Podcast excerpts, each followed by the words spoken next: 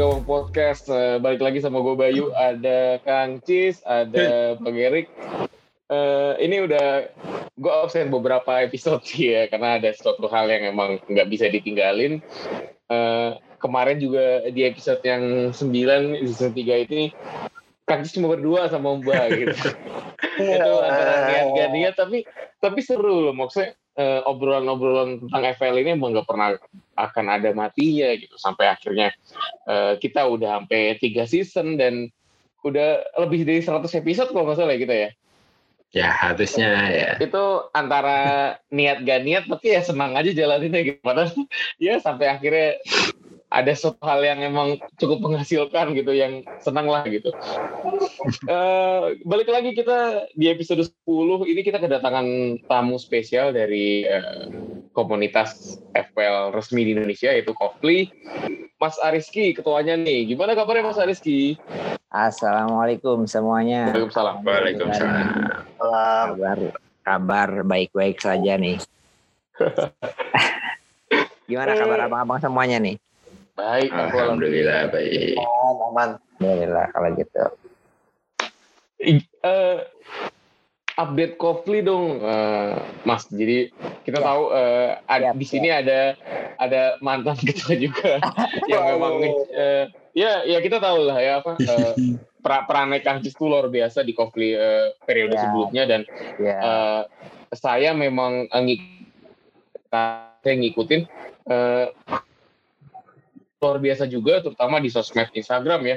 Sosmed Instagram dan uh, banyak terobosan-terobosan baru yang diambil di konflik periode sekarang gitu. Dan buat saya itu positif banget gitu. Uh, gimana Mas Ariski uh, ngerangkum semuanya dan uh, develop dari periode sebelumnya sampai sekarang jadi periode sekarang nih? Gitu. siap siap siap Sebelumnya saya terima kasih nih untuk semuanya abang-abang yang ganteng-ganteng ini kan bisa-bisanya sempet-sempetnya gitu ya dalam kesibukannya selalu ngebuat acara kayak ginian gitu loh.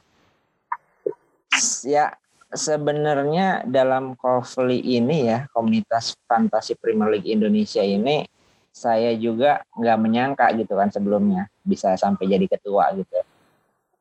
Cuma pas saat ketika Kang Cis menjabat gitu kan, saya banyak yang menelepon itu bang dari daerah-daerah. banyak yang menelepon gitu kan cerita dari apa Ponorogo itu pagelaran telepon itu sampai hmm. suhu dari apa Papua gitu lah. Singkat cerita akhirnya saya jadi ketua gitu ya gantiin Kang Cis luar biasa. Saya salut banget sama gagasan Kang Cis di Kofli tahun sebelumnya gitu kan. Ternyata menghandle komunitas ini ya gampang-gampang sulit gitu loh. Saya melihat dari tahun sebelumnya dan dibanding dengan sekarang ketika Kang Cis menjabat saya pikir sih untuk komunitas kopi yang segede ini kurang gitu loh pengurusnya Kang. Hmm. makanya kan Sam, akhirnya sama saya saya tambah tambahin pengurus pengurusnya sampai saya juga ngambil penasehat gitu loh supaya saya juga ketika ada salah langkah di konflik bisa diarahkan lebih baik lagi gitu loh. Nah dalam konflik sendiri sekarang ya alhamdulillah gitu kan pada dasarnya program-program itu ya alhamdulillah gitu berjalan dengan baik gitu loh. Kayak setiap minggunya kita harus update hasil liga-liga yang kita apa adakan gitu kan. Terus kita juga mengucapkan apa ketika ada hari-hari besar kita yeah. juga ikut-ikutan gitu kan biar uh. tidak ketinggalan gitu ya. Yeah. nah, walaupun gimana juga kan yang namanya komunitas ya komunitas gitu loh.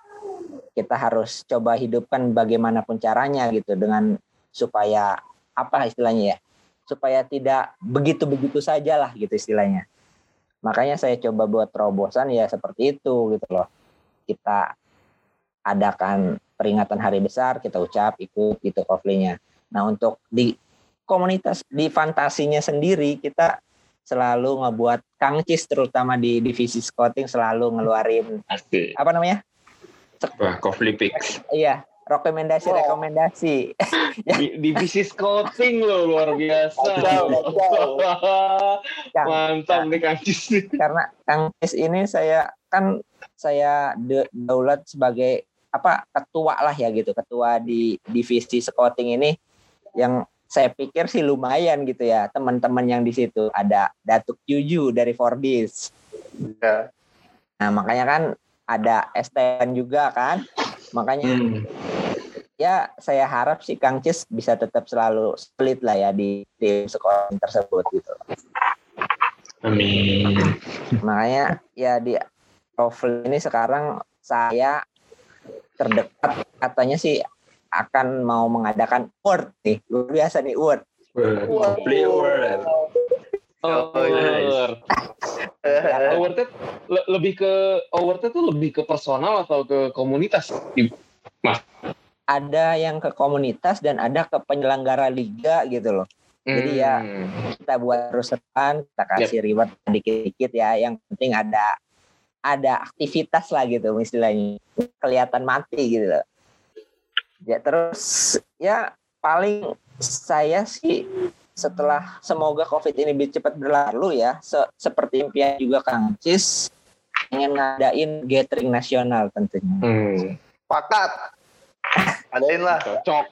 di Salah. ya pokoknya setelah covid lah ya semoga cepat berlalu. Semua juga berharap.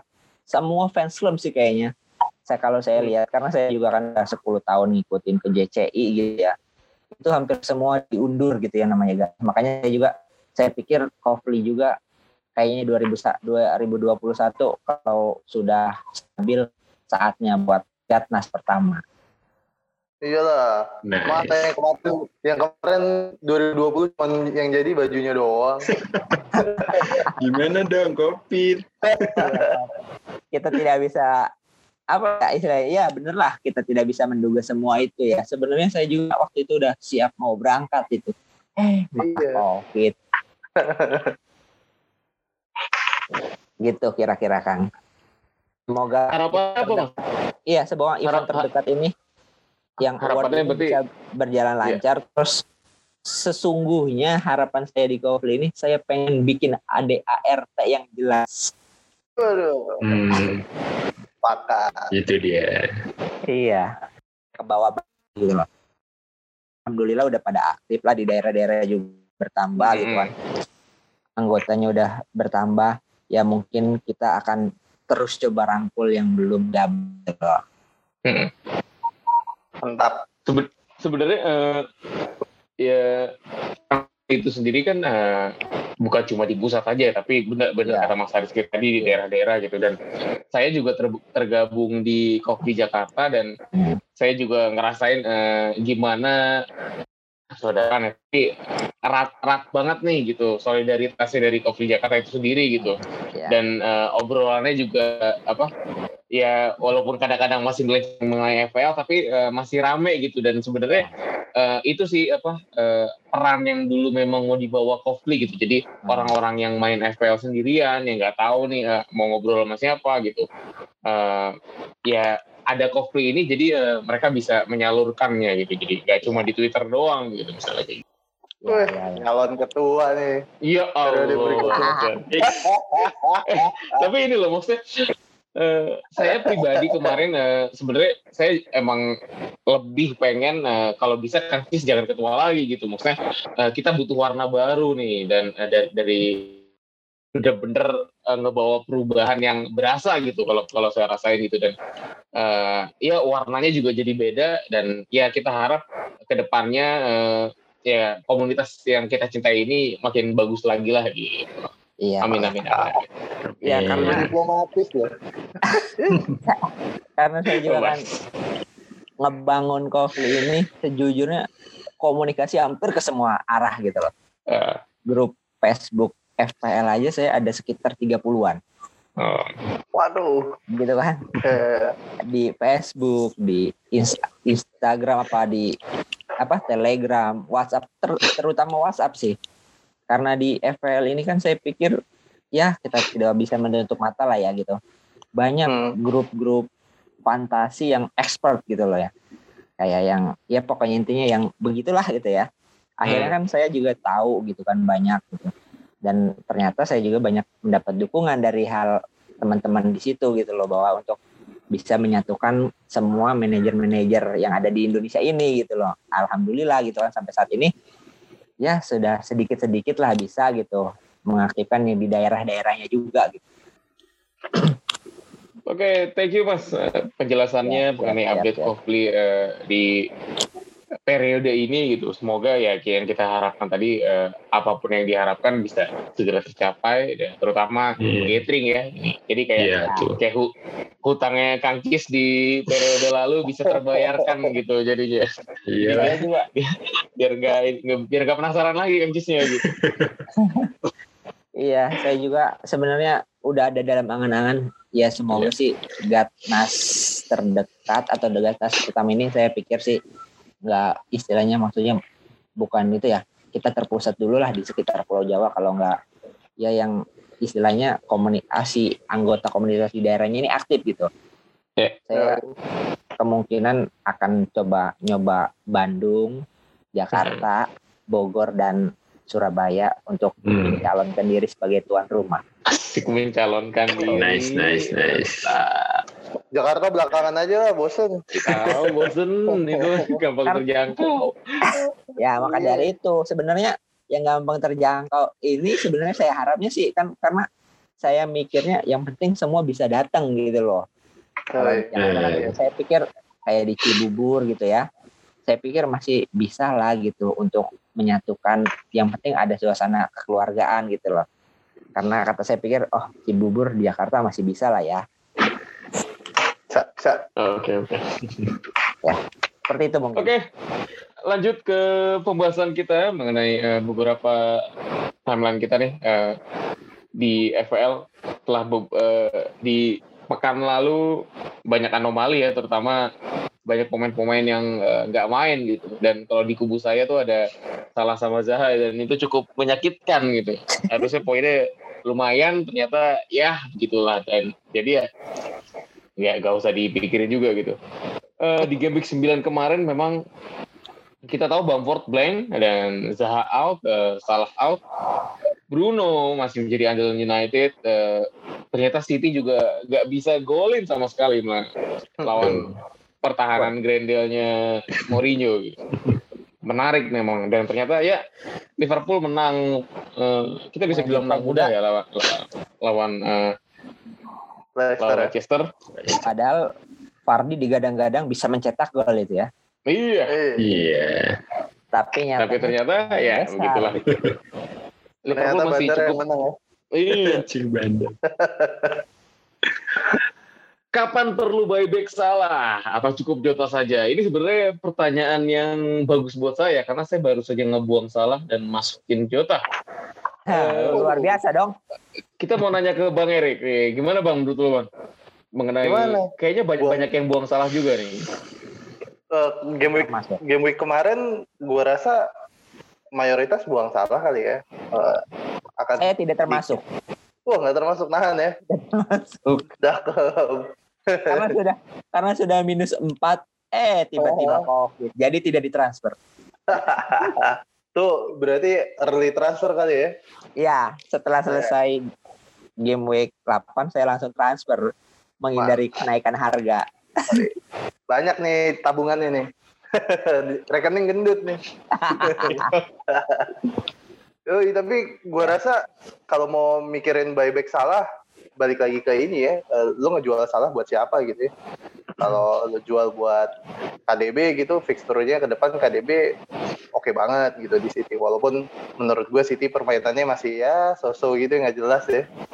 Ini tim cuma muter-muter cuman nggak ada end, end produknya nggak ada gitu gue.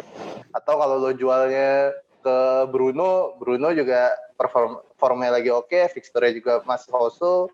Ya menurut gue jadi kalau mau buyback salah ya tergantung lu buang kemarin ganti siapa sih?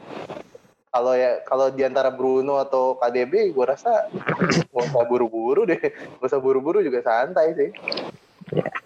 Gitu. Tapi cukup nggak sih Bang kalau misalnya punya Jota doang? Jota ini menarik ya, sumpah menarik. Menarik lah. Harganya main front three-nya ini loh Yoi. Liverpool. konon kabarnya belum pernah ada eh, pemain Liverpool yang eh, empat kali di apa sih empat kali starting Pertandingan eh, awal. main iya, iya. dan langsung dan golin terus. Jadi oke banget sih Jota. Menarik. Cuman ya emang jangan ngarep starting aja ya. Ya, jangan ngarep starting ngarep yang penting starting. poinnya aja gitu. Ngarep Sama- starting asalkan ada yang sakit. yoi yoi iya benar benar. Kalau ada yang sakit baru deh. Menarik menarik sih Jota. Cuman enggak sih. Gu- gua rasa gini sih menurut gue ya, di di game week ini. nih gua rasa orang harus milah-milah prioritas gitu karena banyak banget pemain-pemain yang hilang kan kemarin gara-gara international break malah bawa bawa Bener. masalah gitu kan Ya, kayak kayak gue kayak tadi Om Bayu bilang kan lo ada Saha sama siapa satu lagi salah. eh sama salah gua ada Zaha sama Wilson nggak main Oh iya loh. ya. gue rasa itu akan jadi prioritas gue duluan sih cara setiap minggu kita cuma dapat jatah transfer sekali kan Yep.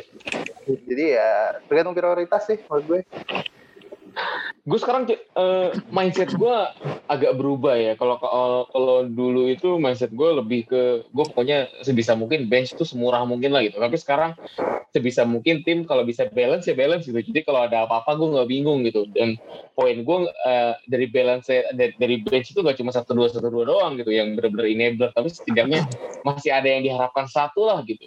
Gue sekarang berani buat eh, punya bench harga 5 sampai 6 juta gue taruh gue diemin kalau ada apa-apa nih nih orang bisa bantuin gue nih. Gitu. kasarannya begitu. Karena ya ini luar biasa loh covid loh. Orang nggak ada angin nggak ada apa tetap Zah- Zaha nggak main aja Itu- hilang aja. itu nyesek loh nyesek. Ah gila. Padahal kalau main ya lumayan kan kemarin lagi lawan Burnley kan gitu. Tapi ternyata ya ya sudahlah. Ya tapi kalau kalau peringkat satu Pandawa udah ngomong ya ya Allah jangan disebut jadi enak kalau udah bersabda ya kita dengerin aja ya sebagai umatnya ya. Enggak enggak peringkat enggak peringkat satu sih peringkat dua gue itu kurang dua poin ya. Oh gitu. Luar biasa tapi. Iya, apa-apa lah itu. Dari Mas Ariski mungkin ada tambahan mengenai Salah dan Jota ini. Ya, kalau untuk saya sendiri kan ya seperti pepatah salah kalau tidak mempunyai salah. Di FPL main FPL nggak punya salah kayaknya salah besar deh. Wih, Jadi tapi tapi saya tuh menarik di tahun kemarin itu sama si Aceh Rider ya. A- Arif Ria- Arif Yansa itu dia kan anti salah banget tuh. hmm. Tapi bisa satu pering- peringkat satu Indonesia tuh. Makanya saya juga sebenarnya pengen gitu loh. Saya untuk tahun ini saya coba mengandalkan Rashford dari pembeda. Makanya ketika salah COVID sebenarnya saya juga pengen ngebuang gitu. Cuma saya tipe manajer yang tidak suka banyak minus. Makanya ketika minus 4 kemarin pun saya terpaksa. Makanya ketika salah udah kena COVID, sudahlah saya simpan saja. telan aja telan Ya alhamdulillah untungnya nggak kayak Ronaldo lama sembuhnya. Untung Iya. salah udah sembuh sekarang kan. Semoga nanti malam juga nyekor nih di UCL. Ya. Oke, kita lanjut ke pembahasan selanjutnya eh, mengenai City. Jadi kemarin kita tahu City eh, nggak bisa ngapa-ngapain gitu loh Jose Mourinho gitu. Dan kita sempat eh, nge-tweet eh, statistiknya si Jose Mourinho dan itu ret, eh, likes retweetannya sampai ratusan gitu. Sampai handphone gua nge-like. itu, itu itu luar biasa dan luar biasa dalam artian ya ternyata ya gimana ya kita mau bilang pertahanan itu main gaya tactical segala macam tapi itu sah dan itu juga dibenarkan dan ya itu juga jadi strategi juga dan akhirnya Mourinho bisa melakukan itu dengan counter attack yang eh, luar biasa cepat. Menurut lo Kancis eh, bijak gak sih nih eh, kalau kita dinai-dinain eh, pemain City gitu, terutama kayak KDB deh yang harga KDB Sterling yang harganya eh, 12 jutaan. Oke, eh, pem- sebenarnya kita lihat ya formnya City sebenarnya emang lagi ya lagi kurang lah. Kalau kita bandingin sama City di musim-musim sebelumnya ya. Ini kemarin gagal ngegolin, kemudian dari game week 4 itu dia cuma cetak gol satu satu satu satu aja. ya. Beda lah. Kita berharap City kan tiga gol empat gol ya, kayak, kayak gitu ya makanya price tag-nya juga tinggi banget untuk KDB untuk Sterling itu di 11 komaan. Ya harapannya kan seperti itu. Cuman untuk saat ini sih kita ngeliat kepemilikannya cuma KDB yang di atas 10 persen yang lain tuh di bawah 10 persen. Jadi uh, kalau kita abaikan dulu untuk nggak pakai pemain City sih uh, relatif aman sih karena kalau misalkan KDB pun di harga yang sama ada salah yang udah sembuh ada Bruno Fernandes. Ya banyaklah nama-nama yang lebih uh, lebih oke okay ya dengan budget yang kurang lebih sama. Seperti itu. Kalau ngelihat jadwalnya juga next lawan Burnley ini Pop lagi lagi oke okay loh Pop. Lagi balik lagi balik suka clean sheet lagi jadi uh, bukan tidak mungkin ya kalau misalkan mungkin City ngebobol pun ngebobol cuma satu ya bukan nggak mungkin.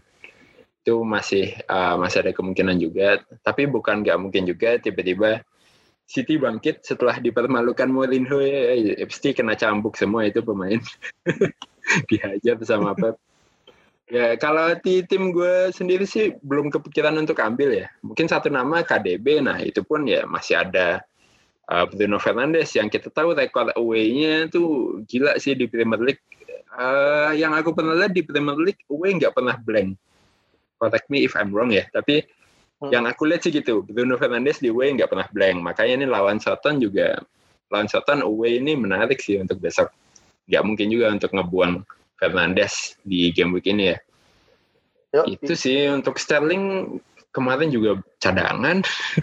Aguero juga ini masih kita pantau ya Aguero kemarin juga cadangan. Ya masih nantilah untuk pemain City hmm, tahan dulu mungkin habis lawan MU mungkin ya kita lihat.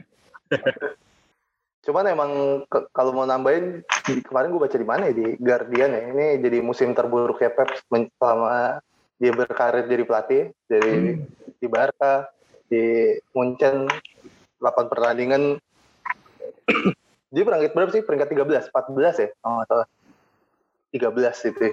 11-an pokoknya. Yoi. Dan yang lucu adalah ini tadi gue iseng ngeliat di uh, mau transfer nyari pemain kan di Elder gitu transfer pemain City ada di urutan 20 sekian loh. Biasanya kan selalu di lima besar kan selama ini kan. Iya. Yeah. Lu gak perlu nyekrol udah ada ADP, udah ada Sterling di situ sekarang harusnya scroll dulu untuk nemuin nama Sterling. Aneh nih. Saya pun di City ini bingung juga sih sebenarnya pas di transfernya bang. Kok bisa-bisanya cuma ngerekrut Ferran Torres dan Diaz. Gitu. Biasanya dia jor-joran gitu loh. Sayang juga Nathan Ake yang saya pikir digadang-gadang bakalan jadi duet maut Laporte malah jadi langganan cedera gitu loh. Dari ngelihat dari iya. penampilan City ini sampai sekarang saya harapnya sih sebenarnya City bisa rekrut striker baru gitu kan untuk persiapan hmm. pengganti hmm. Aguero gitu loh. Cuma Jesus juga kan sering cedera gitu ya. Cuma mungkin saya Mansur lagi belum dapat hidayah. Mansur. Itu tukang cilok di mana tuh? Mansur. ya, jadi makanya saya pikir sih Siti kayaknya tahun ini ah udahlah tidak usah diharapkan. Mari kita berharap pada Tottenham Hotspur. Nah. Son.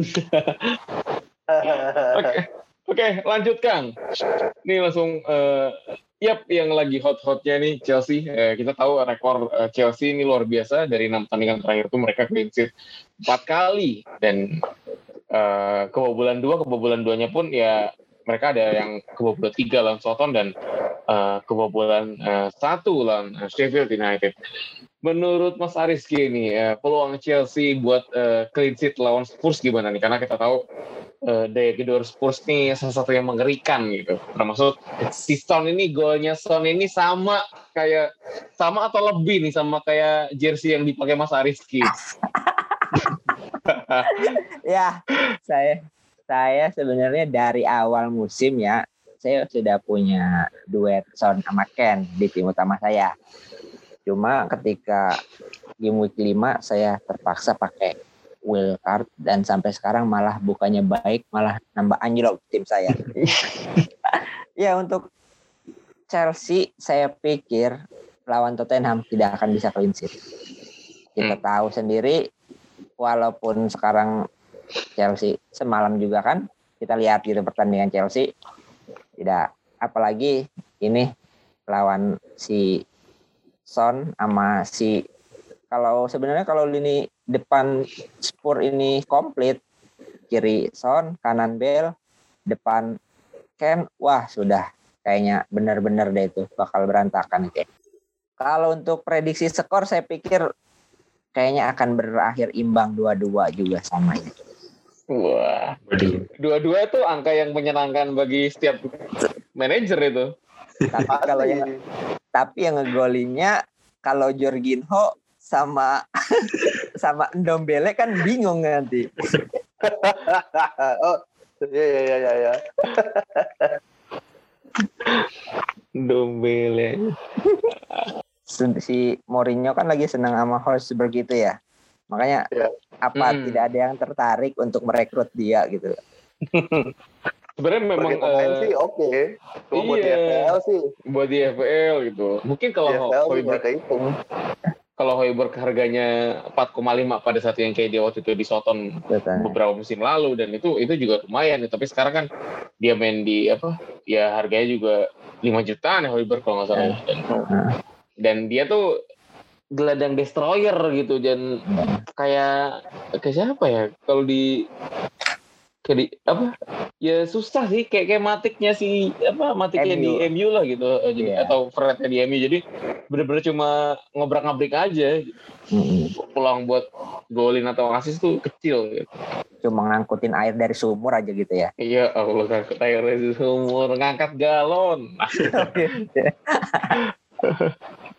Eh, lanjut kita langsung nah ini yang hot-hotnya saatnya burung aset eh, Leicester dan nah yep eh Fardi juga jadi salah satu alasan saya kenapa saya nggak buang salah eh, di eh, pekan ini gitu Bang Erik menurut lo gimana bang? Karena ya kita tahu gimana ya Leicester ini juga peringkatnya juga lagi bagus walaupun kemarin kalah sama Liverpool ya wajar ya Liverpool gitu. Kalau mungkin mereka kalah sama Burnley atau kalah sama eh, siapa yang sama Leeds misalnya ya gitu. Ya, itu ya, baru gak wajar. Tapi kalau kalau Liverpool buat gue sih oke sih. Dan mereka pasti akan bangkit. Apalagi ya apa si penalti dari Leicester ini juga ajaib musim ini. Banyak banget sama mereka. Monggo bang. Karena punya harusnya yang cerita lu lah. Gua, enggak lah. Gue udah opening aja. Menurut pandangan lo gimana Eh, ya secara fixture sih dia salah Leicester salah satu yang ikutan di apa ya gelombang swing ini ya bareng City ya.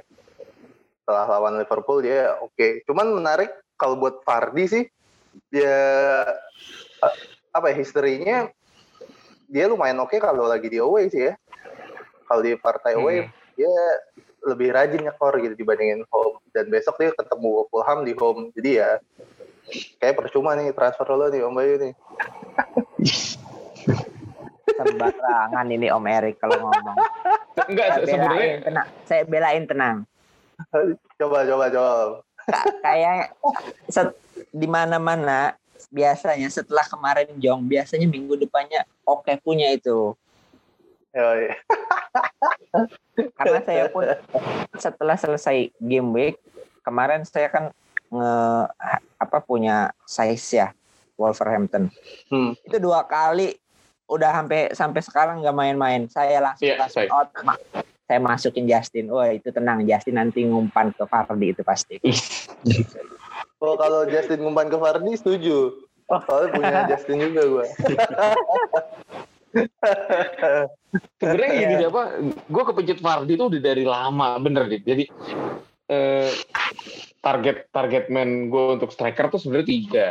Nah, awalnya mau Bamford cuman pada saat eh, ini Vardy ini bahaya dan kita tahu Vardy itu kan top skor musim lalu ya dan sekarang eh, Leicester ini eh, nggak apa ya nggak berkurang buat uh, daya gedor dia gitu. Apalagi sering dapat penalti-penalti ajaib yang wah kampret kok dapat aja sih penalti semua segala macam gitu. Dan makanya saya mantap uh, milih Fardi dan ya kalau misalnya nggak ada arah melintang uh, tiga striker di depan ini nggak akan saya ganti-ganti sih sampai sampai sampai akhir gitu. Ken Fardi sama DCL ya mudah-mudahan kan gitu. Coba, ya kita lihat aja nanti. Kalaupun emang harus ganti paling ya nggak mungkin Ken sih gitu. DCL juga hmm. gak mungkin juga. Gue gak bisa buy back lagi kalau DCL Baik. premium juga ya striker lo ya tiga. Premium hitungannya premium. Mas sebenarnya balik lagi tergantung komposisi ya kalau menurut gue hmm. Peluang Fardi ngegolin ya gue yakin Fardi di atas 15-16 gol semusim oke okay lah udah di tangan. Cuman uh, menurut gue yang kalau gue ngelihatnya Fardi itu bukan tipikal uh, striker yang konsisten gitu. Yang setiap satu game eh setiap game week satu gol itu kayaknya bukan dia. Dia emang tipikal yang meledak-ledak tuh. Bisa tiba-tiba hat trick tiba-tiba brace terus diam nggak ngapa-ngapain selama dua game week tiba-tiba brace lagi terus diam lagi nggak ngapa-ngapain. Yang kalau ujung-ujungnya kalau di total-total ya banyak-banyak juga gol ya mm -hmm. menurut gue ya. Cuman kalau buat gue eh, karena komposisi tim gue gue nggak memungkinkan untuk punya dua striker premium di depan sih. Karena gue udah ada Kane udah ada DCL otomatis kayaknya template gue lebih ke striker murah satu lagi tuh untuk di depan. Bang Ford apa Tom ya, Wilson misalnya ya? Iya sekarang ya sekelas itulah sekelas 6, harga eneman itu sih makanya gue dan kalau gue mau nge-replace Kane sama Fardi kayaknya terlalu beresiko juga gitu. Ini kita kemarin sebelumnya gue sempat mikir gitu mungkin Ken sama Son ini harus gue pisah nih suatu saat ya. Gue cukup satu aja. Ternyata. makin, ternyata makin di sini makin bingung. Karena logikanya kayak kita pernah ngobrolin ya kalau Ken sama Son kalau lo lawan tim yang main low block harusnya Ken yang nyekor. Tapi kan kalau lu lawan tim kuat, harusnya si Son lah yang nyekor karena dia bisa running yeah. di defense ya kan. Dan ujung-ujungnya Ken juga yang yang umpan dia kan tai juga nih emang berdua nih. Iyalah. Tekan aja. Itu sih. Mungkin cuman kalau gue punya Werner swap ke Fardi itu masuk akal banget sih. Cuman kalau dari Ken ke Fardi, gue sih belum sebenarnya di, di squad gue sekarang itu gue nggak punya aset Chelsea dan itu cukup uh, cukup apa ya? Deg-degan ya? Cukup iya cukup deg-degan gitu karena ya kita tahu uh, Chelsea sekarang itu emang beda sama Chelsea yang awal musim ya. Coba awal musim mulai apa sedikit kedodoran tapi sekarang Lampard tuh udah udah udah benar nyetel dan Iya kita tahu uh, Chelsea bisa aja lawan tim antah berantah atau tim mediocre bisa gol 3 sampai 4 gol dan mengerikan gitu kalau misalnya kita nggak punya salah satu aset dari mereka terutama uh, yang lagi hot dari mereka kan si Warner sama uh, Ziyech ya. Yeah. Dan, ya itu juga pengambilan VAR itu jadi salah satu alasan gue karena dengan harga segitu tuh gue bisa muternya gampang nih gitu dan uh, ya Eh, kemarin juga jadi uh, kenapa gue puter lagi? Karena lantai red card ya kurang ajar. Itu minus satu. Dan uh, ya absen satu atau dua game buat gue uh, apa gak berguna gitu. Walaupun harganya gue ngerasain harga naik. Karena ya itu apa uh, slot yang makin dikit terus uh, apa namanya uh, susah gitu prediksi buat uh, ini pemain yang sebenarnya seger-seger atau nggak main. Jadi benar-benar uh, kita harus memaksimalkan bench gitu pada saat emang uh, tim kita ada yang nggak main gitu. Makanya kita uh, langsung gua swap langsung uh, ya itu coba deh Jota deh gitu. Karena gimana ya sebenarnya pemain bagus kalau main di Liverpool itu pasti makin bagus men apalagi striker ya. Karena kita tahu Jota tuh main di Wolves tuh bagus. Terus uh, di Liverpool itu sistemnya udah jadi. Jadi kalau misalnya emang lo udah bagus lo ketemu sistem yang udah jadi ya jadinya kayak Jota gitu gitu lo mau jadi super sub atau lo mau jadi starting setidaknya lo bakal ngelakuin something gitu. Kita sempat duga kan kalau uh, Jota ini bakal geser Firmino tapi ternyata uh, enggak gitu. Malah si Klopp pernah mainin empat empatnya dalam satu satu starting dan hmm. itu juga jadi bukti kalau misalnya uh, Klopp tuh seneng nih emang uh, buat uh, apa ngerangkai Jota buat uh, timnya di, di di ke depan gitu. 40 juta buat seorang Jota itu juga jadi salah satu alasan sih gitu. Kenapa uh, Jota nih bakal kepake banget gitu. Dan harganya yang masih di bawah 7 dan main di Liverpool dengan peluang gol yang luar biasa yuk FPL racun. Ayo monggo. Ayo dibeli Jotanya temenin saya. Jadi jualan Jota kayaknya Bang Bayu ini satu aliran sama Siska ini Siska Rahayu Waduh.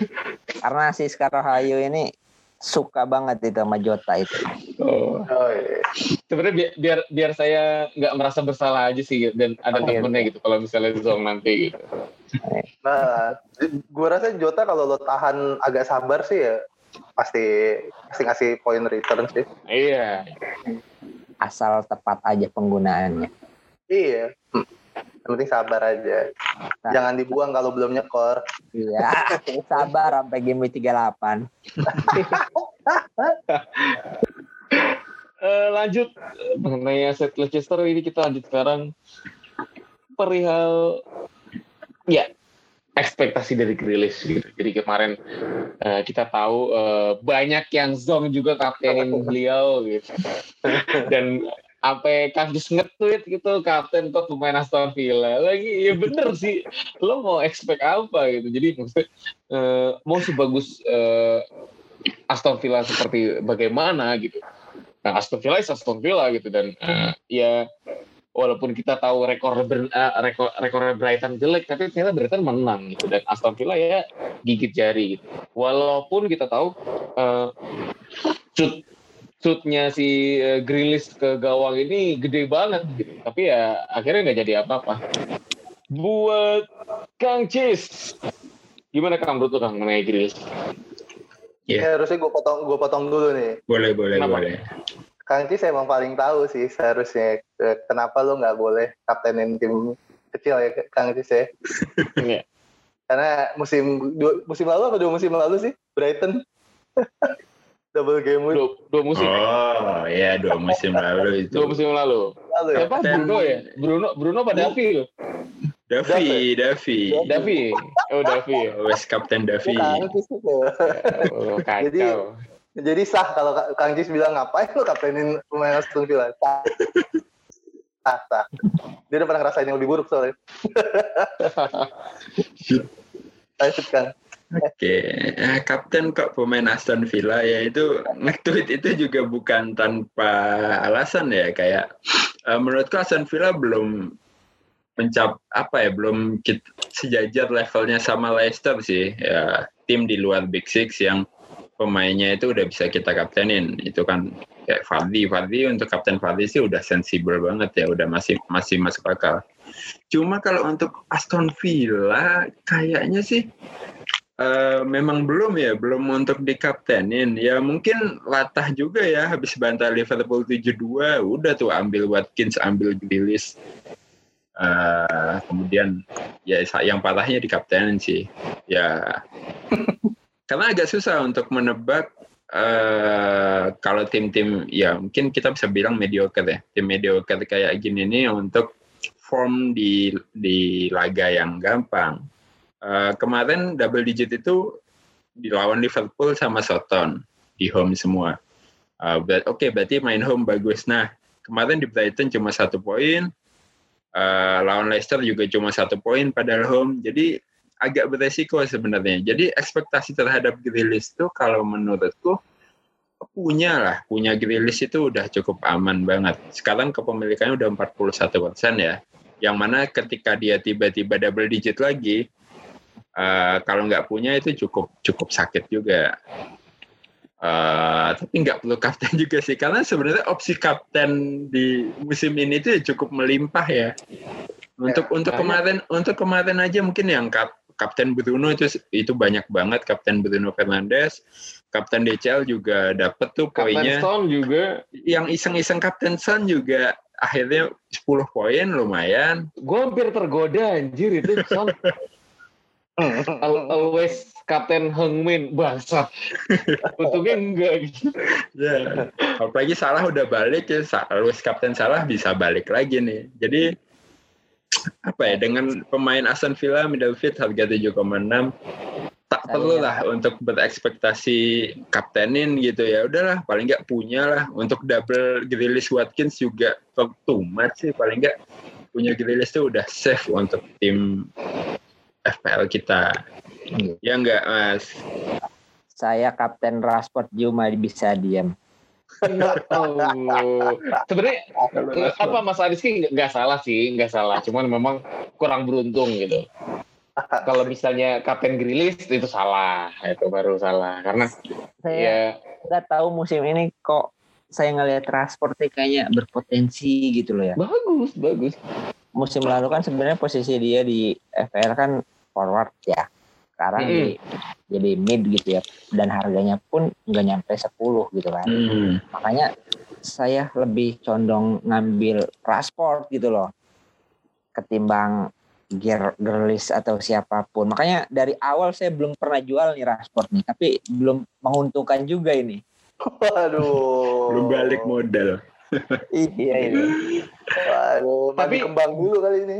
Tapi Bruno punya nggak Mas Ariski? Gimana mau punya Bruno kalau punya Rashford? Sembarangan. Oh, kali kan ada udah ada gitu. Enggak, saya anti Bruno soalnya. Oh. Enggak tahu iya. kenapa gitu ya. Dari awal dia masuk MU, saya belum pernah beli kayaknya. Wow. Waduh. Bener, bener. Kalau Ini- untuk Bruno, ada orangnya tuh Bruno tuh. Wah, ada orang. li- lini tengah saya ngandelin empat pemain. Bowen, Rashford, Salah, sama Son. ya. Saya Hmm. karena efek we, apa Wilker di game week 5 saya hancur terjun bebas gitu kan. Akhirnya saya coba buat ambil yang diferensial lah ya kayak Bowen, Rashford Hmm. gitu untuk mening- menaikkan peringkat di liga-liga gitu. Karena kalau ikut arus ngambil Gerlis, ngambil siapa namanya Bruno, otomatis nggak akan naik-naik peringkat saya. Ya. Bener Kalau di, di di Aston Villa sendiri saya punya strikernya Watkins ini Oke. karena saya tipe manajer yang suka ngambil striker itu strikernya striker yang tunggal gitu loh kayak Hmm. kayak. Watkins kayak ya kayak Ken gitu kan kayak pokoknya ya yang kelihatan tunggal lah strikernya gitu Loh, iya. Biar nggak mungkin diganti juga ya. nah itu dia Biar agak aman. Heeh. Kapten Aston Villa. Cimbeng. Tapi ya, ya, kalau dari kalau dari kalau dari official kalau kalau dari official squad itu sebenarnya eh, nggak salah juga gitu. Tapi ya eh, ya resikonya tahu sendiri kan gitu. Pada saat kita kaptenin eh, tim mediocre dan tim tersebut nggak mau memenuhi ekspektasi kita gitu ya lu jangan jangan berharap lebih gitu karena ya, ya terbukti gitu. Even termasuk kayak Rashford sebenarnya Rashford nggak salah juga gitu. Peluangnya sama Bruno itu 11-12 tapi ternyata betul Bruno yang 12, Rashford yang 11. Turun malah nggak 11, cuma dua. ya Tiga poin. Allah. jangan Tiga, jangan tiga ya? kurang-kurangin tiga Oh poin iya, tiga ya. Oke. Ada clean sheet. Oke. kayak semalam juga di UCL ya saya pasang Rashford juga tuh di UCL fantasi itu ya syukur-syukur ternyata penaltinya dikasih ke Rashford Iya, itu, itulah. Bruno Harusnya- itu baik harusnya hati dan tidak hati sombong. Iya. harusnya baik hati juga itu di liga gitu jangan terlalu nafsu lah ya dengan flying flying itu penaltinya Iya. Nggak, nggak apa-apa. Paling kalau, gagal tuh- juga diulang ya. Iya, dia ulang loh. Emangnya timnya yang jersey Mas Ariski pakai itu far malah kartu merah. kalau kata salah patah kan semesta mendukung kalau ke Bruno itu far mendukung katanya kan ya Iya lah. Eh, Mungkin- me- menarik sih, menariknya di situ Bruno. Mungkin vouchernya MU udah berubah ya. Udah bukan penalti banyak karena voucher penalti udah dikasih ke Leicester ya. Hmm. Jadi vouchernya berubahnya penalti dua kali kalau ada MU. Silakan coba lagi.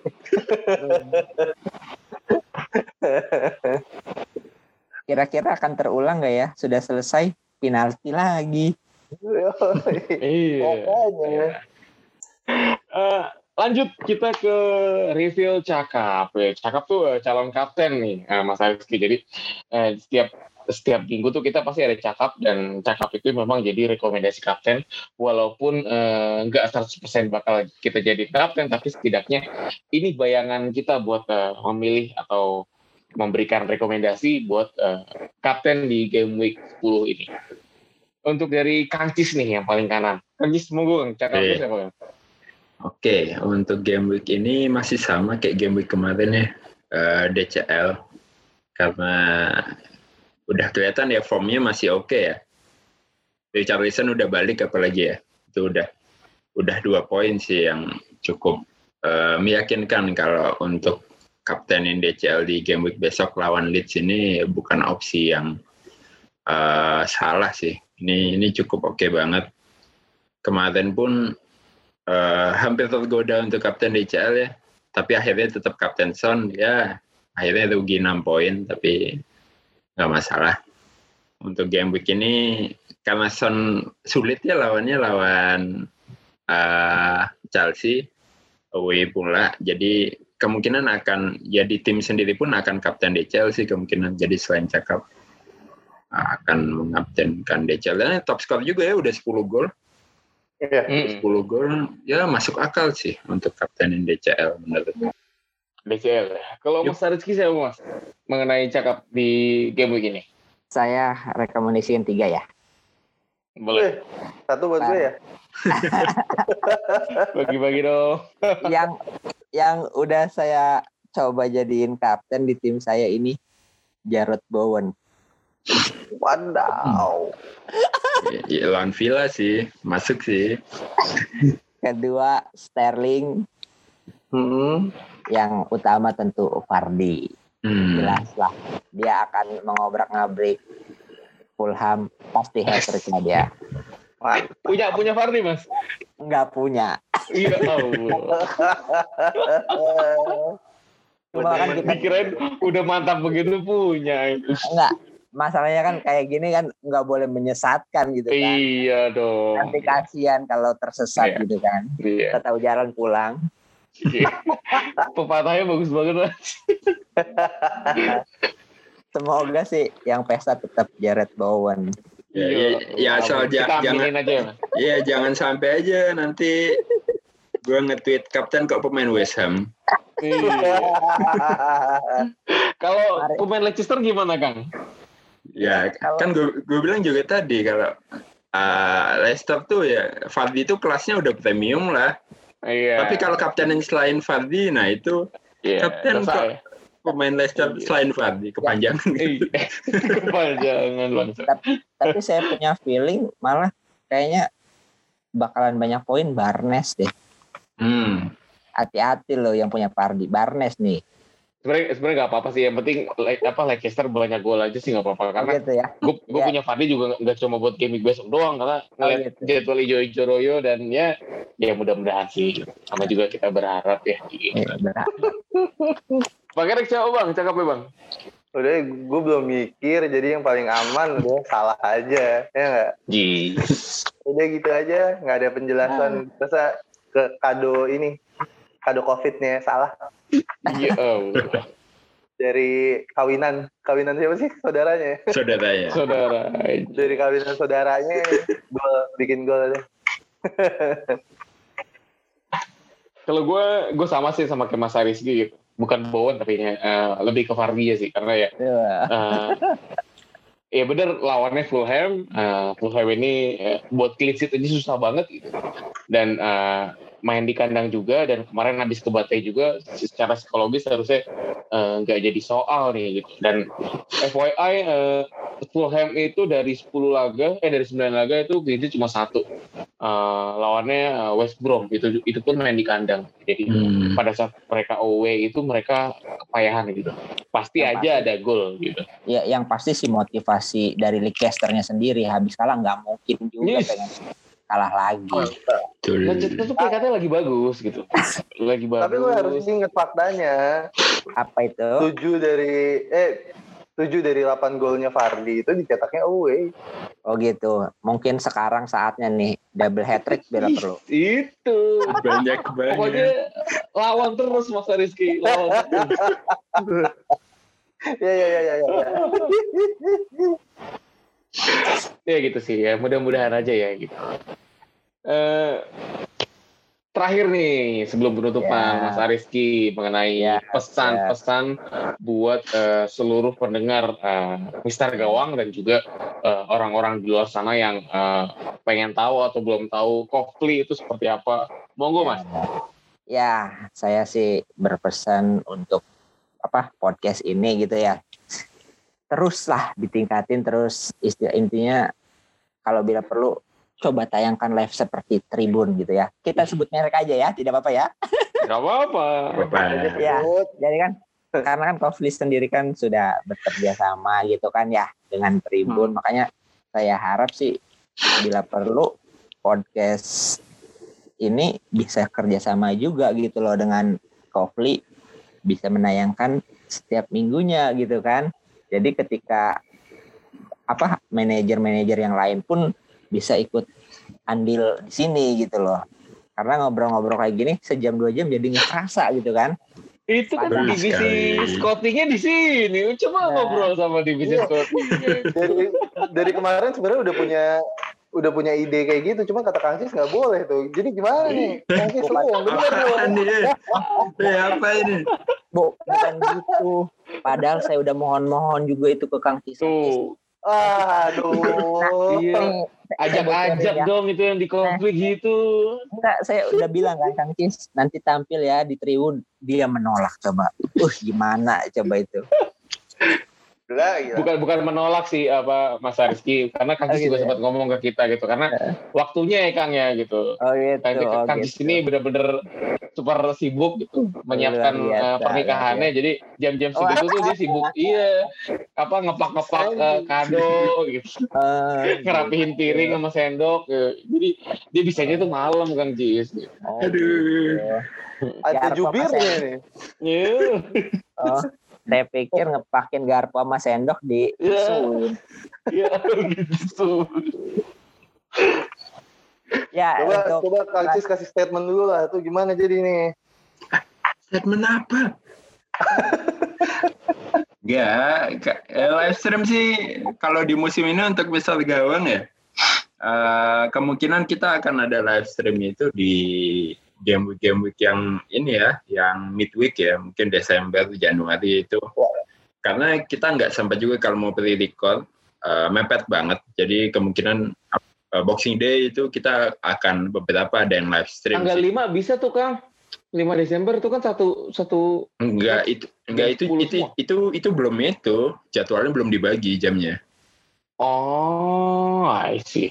itu belum dibagi ya mungkin Boxing Day ya biasanya seperti biasa lah kita live stream eh, sampai deadline ya sampai deadline jadi kita ngecek Iya. live ya mungkin itu ah, ada lah dan Iya lah. Kita bikin Kayaknya- yang rame-rame kayak musim kemarin, Iya. Cis. Iya. yang rame-rame Nah, itu boleh. akan kita ulang lagi pastinya Nah, cocok itu ajak semua manajer buat bergabung ikut ya ngerecokin lah, ngecen bareng gitu kan. Apalagi Iya. ini momennya gitu kan. Setuju. Iya. Ya, saya harap sih para pendengar manajer FPL yang ngedengerin ini gitu ya. Hargailah kinerja seseorang dan karya seseorang gitu kan. Ketika podcast ini dibuat bukan tanpa adanya cinta adanya perjuangan gitu. Pasti ada perjuangan di dalam setiap karya ini gitu. Makanya janganlah gitu ya ngeremehin hal-hal kecil gitu. Mantap, mantap. nice. Thank you Mas Rizky. Eh, Siap, sudah siap. mau meluangkan waktunya nih malam-malam gitu karena kita juga itu, itu juga jadi salah satu kendala kita pada saat kita mau ngundang bintang tamu gitu makanya eh, pada saat kangkis setiap setiap setiap kita kan ngundang bintang tamu tuh setiap eh, game week genap ya pada saat Ya, undang siapa nih? Aduh coba coba ini deh coba itu deh karena ya ya Iya. kita tahu eh, dengan waktu yang cukup eh, larut malam dan ya, itu mengganggu sekali makanya kita benar-benar eh, apresiasi sekali kalau misalnya emang ada eh, bintang tamu kita yang mau meluangkan waktunya untuk ngobrol bareng sama Iya. kita Iya. Saya saya demi podcast ini biasanya jam 9 jam 10 udah suruh tidur ini. Waduh. Aduh. Mantap, thank you Mas Mak- Rizky. makanya kemarin juga ketika di Japri Bang Kang Cis gitu kan. Waduh, itu nggak kemalaman apa? Nggak bisa diundur jam 8 apa jam 9. Cakep. Tuh, Kang Cis, demi tuh. Nomor rekeningnya jangan ya. lupa dikasih tuh. transfer Kang Cis, transfer. Oke, eh, jangan lupa kritik dan saran langsung ke Twitter kita ya, Mister Gawangpot. Eh, terima kasih semuanya yang sudah bergabung, Bang Erik, Mas Rizky, dan Kang Cis gitu. Semoga di game week ke 10 ini kita dapatkan panah hijau, eh, poinnya Amin. bagus, kaptennya sukses, dan ya jadi happy kan jadinya gitu. Salam-salam sama keluarga di rumah, hati-hati yang Ya. lagi di jalan kalau misalnya dengerin ini. Sampai jumpa di game week selanjutnya. Mister Gawang, bye-bye.